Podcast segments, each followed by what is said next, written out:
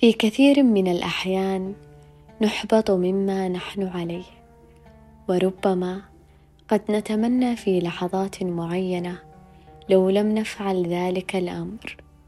غائبا عن وعينا أن ورقة المستقبل لم نفتحها بعد وأنه بإمكاننا كتابتها بطريقة تمحو كل إحباط شعرنا به. لتزيدنا رضا بأنفسنا.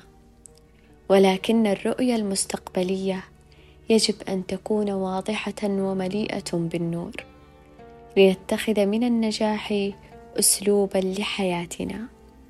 فحقيقة النجاح ليس وجهة نصل إليها ولكنه أسلوب حياة نتخذه بواسطة النور. نعم نحن في بصيرة نسعى لتنوير البصيرة الذي يقوم عليه كل نجاح. فالبصيرة هي الرؤية المستقبلية لاكتساب المعرفة وبها نوسع كل أفق نشقه في حياتنا.